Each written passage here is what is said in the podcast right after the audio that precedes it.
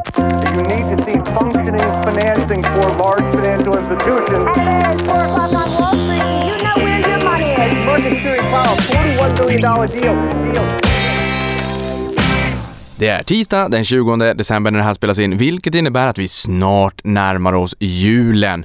Det innebär också att det är knattarnas löningsdag, det är den 20. Pengarna trillar in på föräldrarnas konto och sen studsar det vidare till barnens depå för att sysselsättas, sättas i arbete under lång tid och bygga upp någonting fint där över tid tills de blir lite äldre. Sen har vi också uppesittarkväll på torsdag.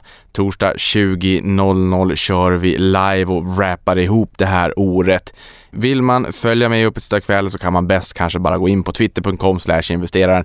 Där i kommer jag länka och nåla högst upp då så att man hittar till uppesittarkväll helt enkelt.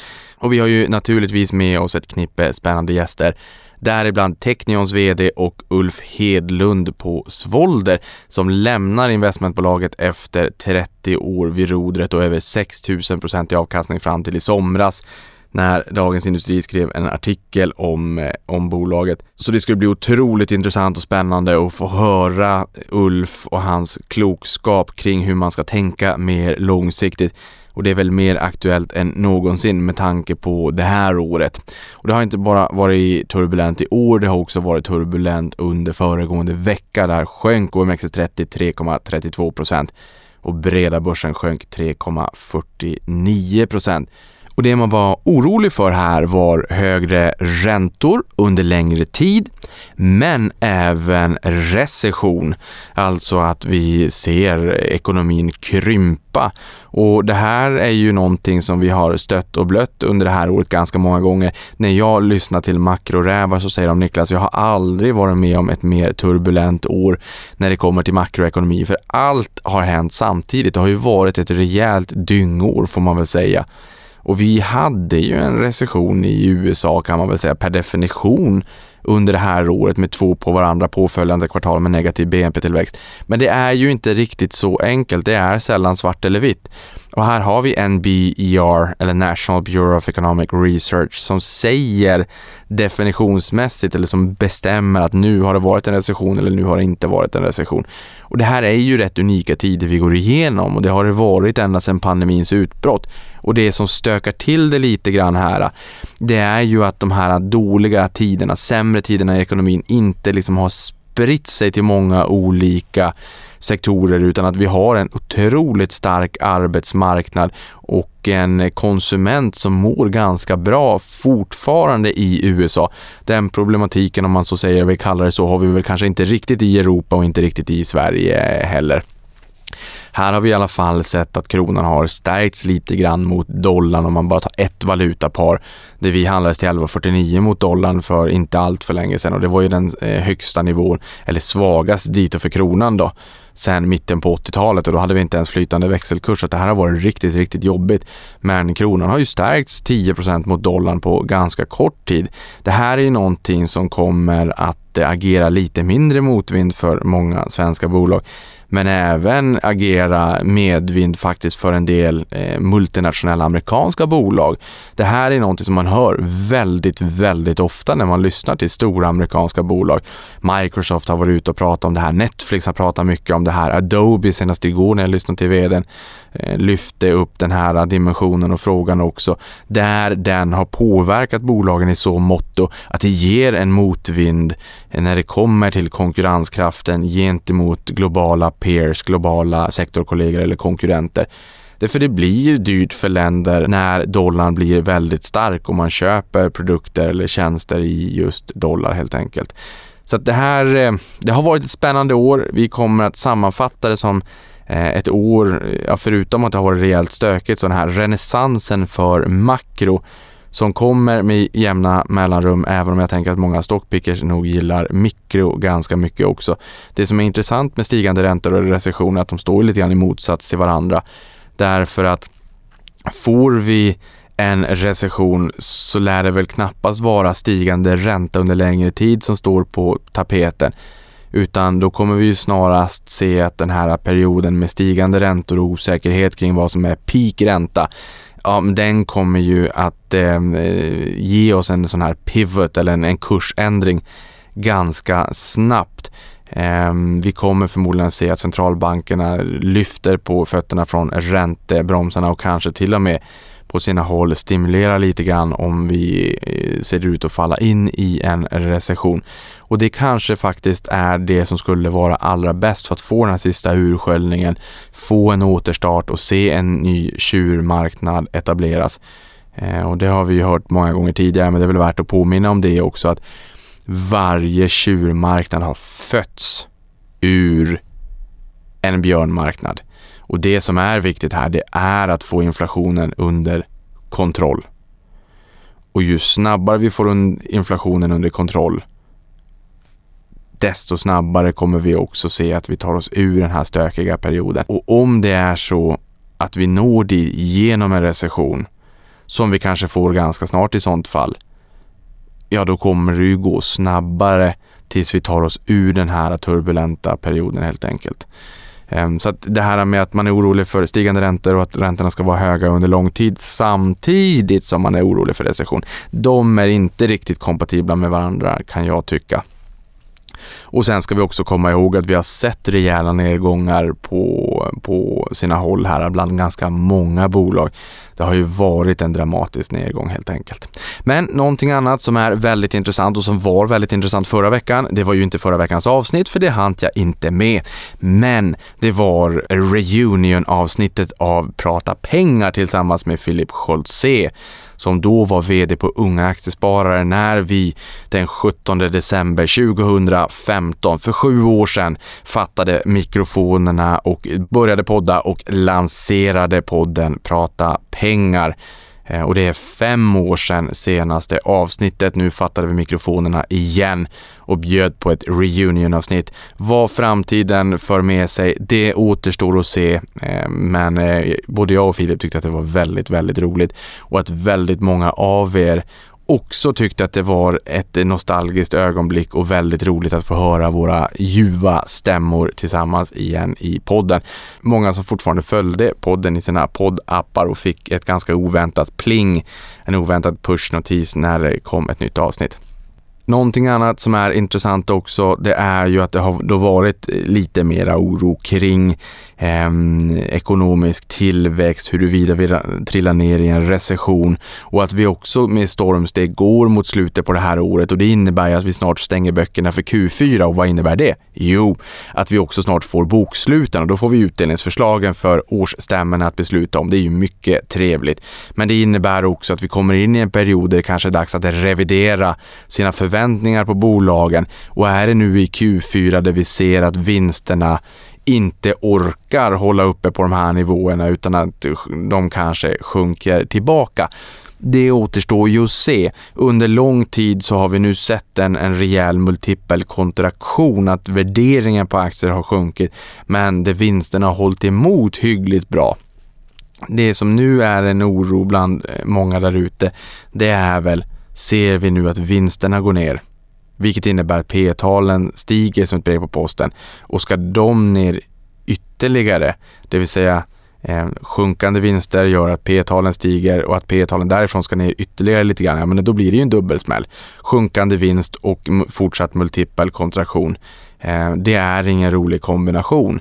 Eh, vi har varit där från tid till annan efter den kommer solsken och den här typen av jobbiga perioder brukar inte vara särdeles länge. Och tittar man nu i media där folk är negativa så säger de att vi kommer åtminstone behöva vänta kanske till halvårsskiftet 2023 eller kanske hösten 2023 jag tycker inte att det är särdeles länge, speciellt inte om det är så att man är en långsiktig investerare. Och man ska ju komma ihåg, vilket jag har sagt många gånger i den här podden, att den här typen av perioder ger möjligheter. Det är nu man ska vara på hugget och bygga upp sina positioner inför att det vänder. Jag tycker inte om att jaga aktier när, när allting är hett och alla andra också vill äga aktier.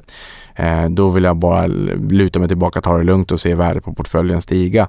Men Kina, är ju en faktor till oro, har varit under lång tid. Nu säger de ju att de ska stabilisera sin ekonomi under 2023 och att det här ska göras genom att det rikligt med likviditet tillförs finansmarknaderna. Och här är ju också en fråga vad som händer nu när man då rullar tillbaka restriktioner och eh, det det, det, går inte annat än att bli glad för deras skull, för det har ju förmodligen varit ett helvete på ren svenska med de hårda nedstängningarna som har varit i Kina och 2020, det är ett tag sedan nu. Eh, men när de kommer tillbaka igen och efterfrågan kommer tillbaka igen, vad händer med råvaror? Vad händer med efterfrågan på det mesta? Vad händer med global inflation? Kan vi få en reacceleration av inflationen uppåt? Och det här tror jag skrämmer lite grann. Men sen kan de ju också bidra med eh, mer, eh, mer av allt egentligen i och med att de är driftiga, vilket innebär att vi kanske kan få bort störningar i försörjningskedjor och flaskhalsproblematik och komponentbrist och allt vad det är. Eh, så det, det här vi vet inte riktigt vad det här kommer leda till. Det är, väl, det, det, är väl så man kan sammanfatta det. Men en spaning som nu är några dagar gammal i och för sig, men det är en sån där pulsmätning på, eh, som heter SEV-index. Det är en ledande indikator som månatligen mäter stämningsläget bland tyska investerare och analytiker och deras förväntningar på ekonomin och den steg i december. Eh, och indexet här liksom, den ska spegla tron om den ekonomiska utvecklingen om sex månader, det vill säga om ett halvår fram i tiden. Nivån landade på minus 23,3 i december jämfört med minus 36,7 procent i november. Och det här är den högsta nivån sedan februari i år, även om den är negativ. Fortfarande högsta sedan februari i år och en nivå under noll tyder på mer pessimism än optimism. Men optimisten här ser att okej, okay, det här är ändå tredje månaden i rad där det är mindre negativt och där man också ser att den här är tillbaka på den, eh, den högsta nivån då sedan februari. Eh, så att vi tar oss upp sakta men säkert från Marianergraven. Eh, och, och, vi ser också att eh, småsparare eh, globalt är lite mera positiva. Och jag tror att det här också är någonting vi har sett senaste tiden när börsen har stött upp ganska mycket. Att det finns mycket kapital vid sidlinjen. En del kapital kommer aldrig komma tillbaka därför att vi har gått från TINA till TARA. There is no alternative till there are reasonable alternatives eh, på räntemarknaden. Så att, eh, en del av kapitalet som har varit på börsen kommer inte tillbaka. Eh, men det är rätt mycket pengar vid sidlinjen som ska tillbaka in. Eh, och är det någonting vi har lärt oss av historien, då är det att när det vänder så går det fort. Åtminstone i början. Sen är det ju så att historiskt så har väl nedgångarna varit snabbare än återhämtningarna. Det ligger i den mänskliga psykologin. Men det är fortfarande så att den här studsen uppåt är Ehm, den, den, är svår att tämja och det blir jobbigt om man hamnar i bakvatten helt enkelt. Någonting annat som är roligt är att Placera Forum nu äntligen har återuppstått från och med idag. Renässansen är här, det är många som har saknat Placera Forum. Det har varit nedstängt i ett år här i dagarna eh, och nu så öppnade vi upp det här vid halv elva idag. Och vi har redan fått ganska många tusen då eh, aktierävar som har letat sig tillbaka till forumet. Eh, väldigt, väldigt eh, roligt eh, helt enkelt. In och hitta tillbaka du också. Och med de orden, ett litet kort nyhetssvep och där har vi Elon Musk som skapade en omröstning på Twitter där han frågade om han bör lämna rollen som VD för mikrobloggen Twitter. Tycker alltid det är kul att säga mikrobloggen. Totalt svarade 17,5 miljoner personer och 57 procent sa att han bör avgå.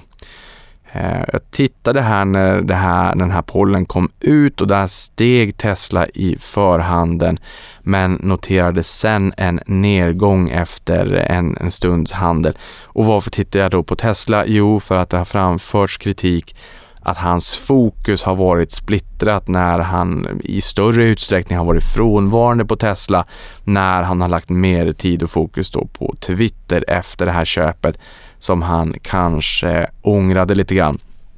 Nu såg jag i CNBC idag att ryktena säger att han aktivt sonderar och letar efter en ny permanent VD. Han sa ju att han skulle följa utfallet av den här pollen. Eh, så vi får se vad som händer helt enkelt. Sen har vi fastighetsbolaget Balder med Erik Selin i spetsen som tog in 1,8 miljarder kronor via en riktad nyemission där AMF var tagare. Eh, och de ville köpa så många nya aktier som krävdes för att bolaget skulle tillföras tillräckligt med kapital för att lösa det hybridlån som ska refinansieras i mars 2023 samtidigt som de ville skicka ett tydligt signalvärde till marknaden. Och jag menar, här ser vi, det har varit tufft för fastighetsbolagen och det är fortsatt tufft. Och vi har sett en hel del bolag behövt refinansiera sig till rejält mycket högre nivåer.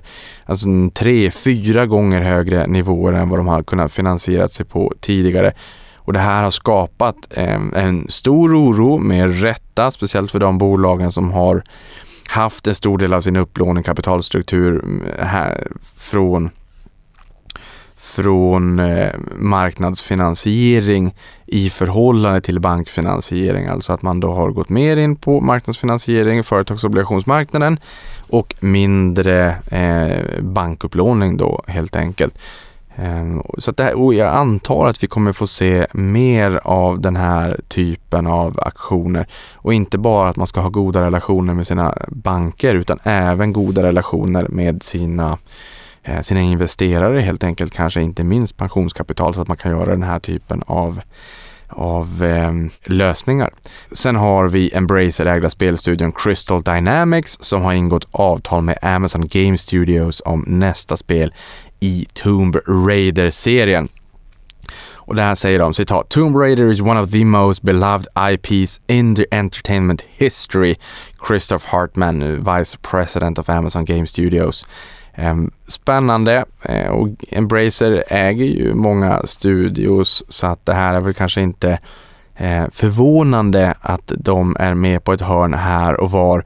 Men spännande ändå kan jag tycka med Embracer och Amazon i en och samma nyhet. Och att det är just Tomb Raider också är ju ett spel som många av oss är uppväxta med. Det ska bli intressant att se vad som händer där och hur väl det kommer att mottas. Sen har vi Rutger Arnhult på tal om fastighetsbolag. Han avgår som VD för Castellum. Och det här är ju något som det har spekulerats om en tid sedan Roger Akelius under intressanta former klev in i bolaget när Arnhult var trängd och fick sälja av en rätt stor del av sitt innehav till eh, Roger då. Och här menar han på att det inte var ett margin call. Så kan det ju vara. Han kanske fick välja vad han ville sälja men eh, rimligtvis så var han ju tvungen att sälja eh, för att han ansågs överbelånad. Är min tolkning. Jag tror att det är de flestas tolkning för annars hade man ju inte riktigt gjort det helt enkelt. Och sen har man också eh, sett en osämja, en spricka de två emellan som har blottats i media. Så här sa han att han fullt ut ska fokusera på privata investeringar inklusive Castellum heter det. Sen har vi Coinbase som noterades den 14 april i fjol och där var ju TV4 här och gjorde en intervju på Avanza där jag också manade till en viss försiktighet, eller en ganska stor portion försiktighet i och med att det var väldigt, väldigt upptrissad värdering. Från referenspriset 250 dollar steg aktien som mest 71,4 procent vilket gjorde att kryptobörsen värderades högre än både Nasdaq och New York Stock Exchange, deras ägare då, tillsammans. Bara för att få en känsla för hur högt Coinbase värderades och därefter har aktien sjunkit 91,7 procent. Och faktum är att inom citationstecken då kryptovalutan Dogecoin nu har ett högre market cap än Coinbase. Ett tecken i tiden för hur stökigt det har varit i den delen av investeraruniverset. Sen har vi Latour som har förvärvat 21,9% av Coitech inom dotterbolaget Latour Future Solutions. Ett område inom investmentbolaget inriktat mot tillväxtbolag verksamma inom hållbarhet. Och det här är ju en trend som bjuder på eh, strukturell tillväxt, megatrend och sekulär tillväxt. Hela klabbet, alla buzzwords. Eh, och då inte det här bolaget som de förvärvade utan själva trenden mot hållbarhet. Omställningen behöver göras mot eh, förnybar energi och mot hållbarhet. Det är ingenting vi kan backa ifrån och då kan man som investerare fundera kring hur kan jag exponera mina investeringar mot vinnarna inom denna trend. Trenden är ju här för att stanna och det här KoiTech, om det är så att jag uttalar det rätt, erbjuder bland annat lösningar för energioptimering av produkter som drivs av batterier. Och sen sist men inte minst Swedish Match. Fint som snus säger vissa. Ansökan om notering har godkänts, säger jag. Sista handelsdag blir den 30 december, det vill säga sista börsdagen 2022. Sen säger vi adjö till Swedish Match, detta bolag som har agerat en trygg boj i börsbukten i OMXS30 i och med att det är otroligt ovanligt senaste åren att eh, indexet har outperformat en performance i denna aktie helt enkelt. Budgivaren Philip Morris innehar 93% av aktierna och därmed har de påkallat tvångsinlösen av de återstående aktierna. Har man inte tackat ja till budet så finns det därmed en risk att man sitter in between i några år i värsta fall för att följa den här tvångsinlösen-processen. Det innebär också att det finns en plats i OMXS30 att fylla till något annat bolag. Det blir intressant att se. Och med de orden, vi hörs igen nästa vecka. Tack för mig. Och avkastning på dig.